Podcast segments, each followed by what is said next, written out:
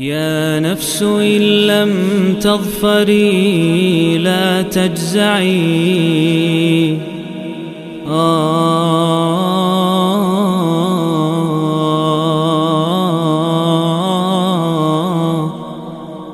Bismillahirrahmanirrahim Alhamdulillah Wassalatu wassalamu ala rasulillahi amma ba'd uh, Kali ini adalah kita bersama surat Al-Jin Surat yang ke-72 Dalam serial 114 Hari mengkaji surat demi surat dari Al-Quranul Karim. Dan surat Al-Jin Merupakan surat Makkiyah yang turun Setelah surat Al-A'raf Dan sebelum surat Yasin.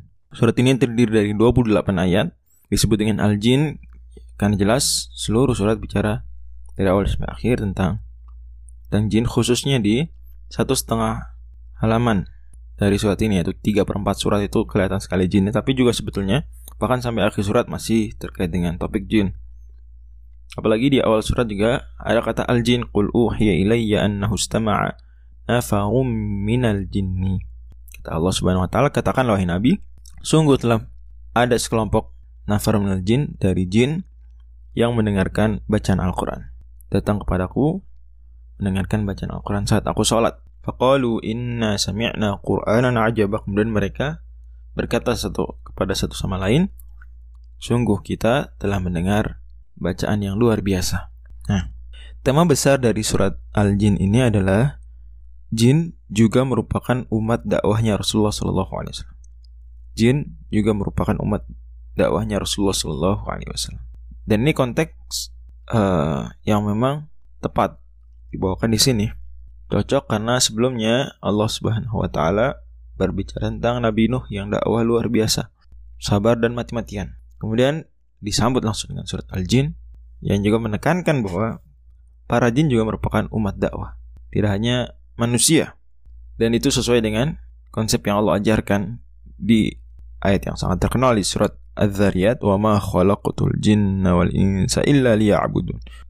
Istimewa sekali Allah mengkhususkan surat ini untuk menegaskan konsep tersebut. Sekaligus juga menjadi sindiran ya. Dan ibroh pelajaran bagi manusia bahwa kalau jin saja tuh lihat itu mereka beriman kepada Nabi Muhammad wasallam Padahal mereka nggak kelihatan sama Nabi. Ya kecuali kalau Allah perlihatkan, mereka nggak kelihatan. Tapi mereka mau beriman.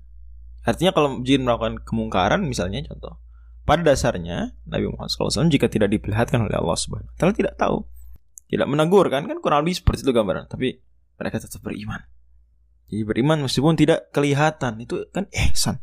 Sekaligus juga sindiran bagi orang-orang yang tidak mau beriman kepada Nabi Muhammad SAW karena alasan-alasan yang sifatnya primordial ya atau alasan-alasan kesukuan. Ah seperti sebagian orang Quraisy tidak mau beriman kepada Nabi Muhammad karena kata mereka ah ini dari Bani Hashim. Kita kan Bani Makhzum. Atau orang-orang lain yang mengatakan oh ini kan orang Arab kita ini bukan bangsa Arab dan sejenisnya karena para jin sendiri mau beriman kepada Nabi Muhammad SAW padahal Nabi Muhammad manusia bukan dari golongan jin mereka nggak bilang ah udahlah kita nggak mau beriman kalau nabinya manusia kita punya nabinya jin. Nggak begitu. Di surat ini Allah Subhanahu Wa Taala melalui uh, atau menceritakan perkataan-perkataan para jin. Ya, para jin ini menceritakan tentang beberapa hal yang haram atau uh, merupakan kemusyrikan yang dilakukan oleh manusia. Ya, itu merupakan kekafiran dilakukan oleh manusia atau dilakukan oleh mereka juga. Mereka cerita misalnya bahwa mereka dapat hidayah dengan Al-Quran yahdi ila rushdi fa'aman nabi begitu di ayat kedua. Kemudian mereka cerita bahwa iblis mengajarkan kepada mereka hal-hal yang salah tentang agama.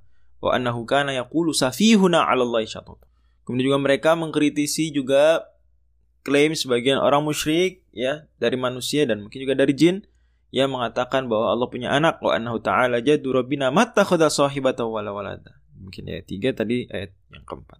Mereka juga cerita bahwa apa? Bahwa ada orang-orang dari kalangan manusia minta perlindungan kepada kalangan jin. Wa annahu kana rijalun minal insi ya'udzuuna bi rijalin minal jinni fazaduhum raqa. Mereka juga cerita tentang eh, hal-hal uh, terkait perdukunan. Bahwasanya dukun itu satu dua kali bisa jadi benar menyampaikan informasi tentang masa depan karena dapat curi-curi dengarnya informasi yang disadap dalam tanda kutip oleh para jin dari malaikat di langit. Makanya mereka cerita wa anna kunna naq'udu minha maqa'ida sama. Kita dulu bisa itu. Ada tempat duduk di langit. Kita bisa curi-curi dengar. Bahkan ayat sebelumnya mereka bilang wa anna lamasna sama. Kita cek langit.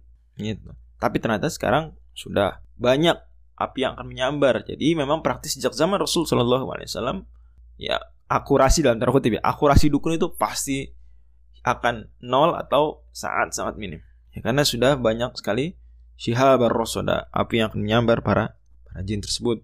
Kemudian Allah Subhanahu wa taala juga disebutkan bahwa jin dan jin konsekuensinya sama seperti manusia. Kalau baik ya dapat kebaikan, kalau buruk dihukum. Fa'aman aslam fa'ulaika taharraw taharraw rosyada ayat 14 ayat 15 wa amal qasituna fakan li jahannam atau dan Allah Maha Kuasa menjadikan para jin sebagai bahan api bahan bakarnya api neraka. Allah juga Subhanahu wa taala cerita juga di sini di surat ini para jin dalam konteks pembicaraan jin, konteks pembicaraan Nabi Muhammad juga mengkritisi kemusyrikan atau hal-hal yang berpotensi pada kemusyrikan.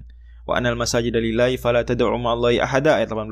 Sungguh masjid-masjid itu milik Allah, janganlah sembah siapa pun bersama Allah di situ. Kemudian juga bahwa kemudorotan ya itu dan kemanfaatan adalah Allah saja yang berhak. Qul inilah amliku lakum dharra wala rasyada. Sehingga buat apa? Minta perlindungan kepada selain Allah Subhanahu wa taala dalam konteks yang seperti ini. Kemudian juga tentang pengetahuan yang gaib, alimul ghaibi fala yudhiru ala ghaibi ada. Ayat 26. Allah saja yang tahu yang gaib. Tidak kasih tahu pada siapa pun illa man Allah mir rasul kecuali yang Allah ridhoi Allah bisa beritahu. Dan pada akhirnya Rasul SAW juga sudah menyampaikan risalah Allah kepada para jin. Liya'lama an qad ablagu risalati rabbihim. Sehingga Nabi Muhammad SAW benar-benar telah menuntaskan amanah beliau menyampaikan ajaran agama tidak hanya ke kalangan manusia tapi juga ke kalangan jin dan itulah tema besar dari surat ini bahwa jin juga merupakan umat dakwahnya Rasulullah Sallallahu Alaihi Wasallam.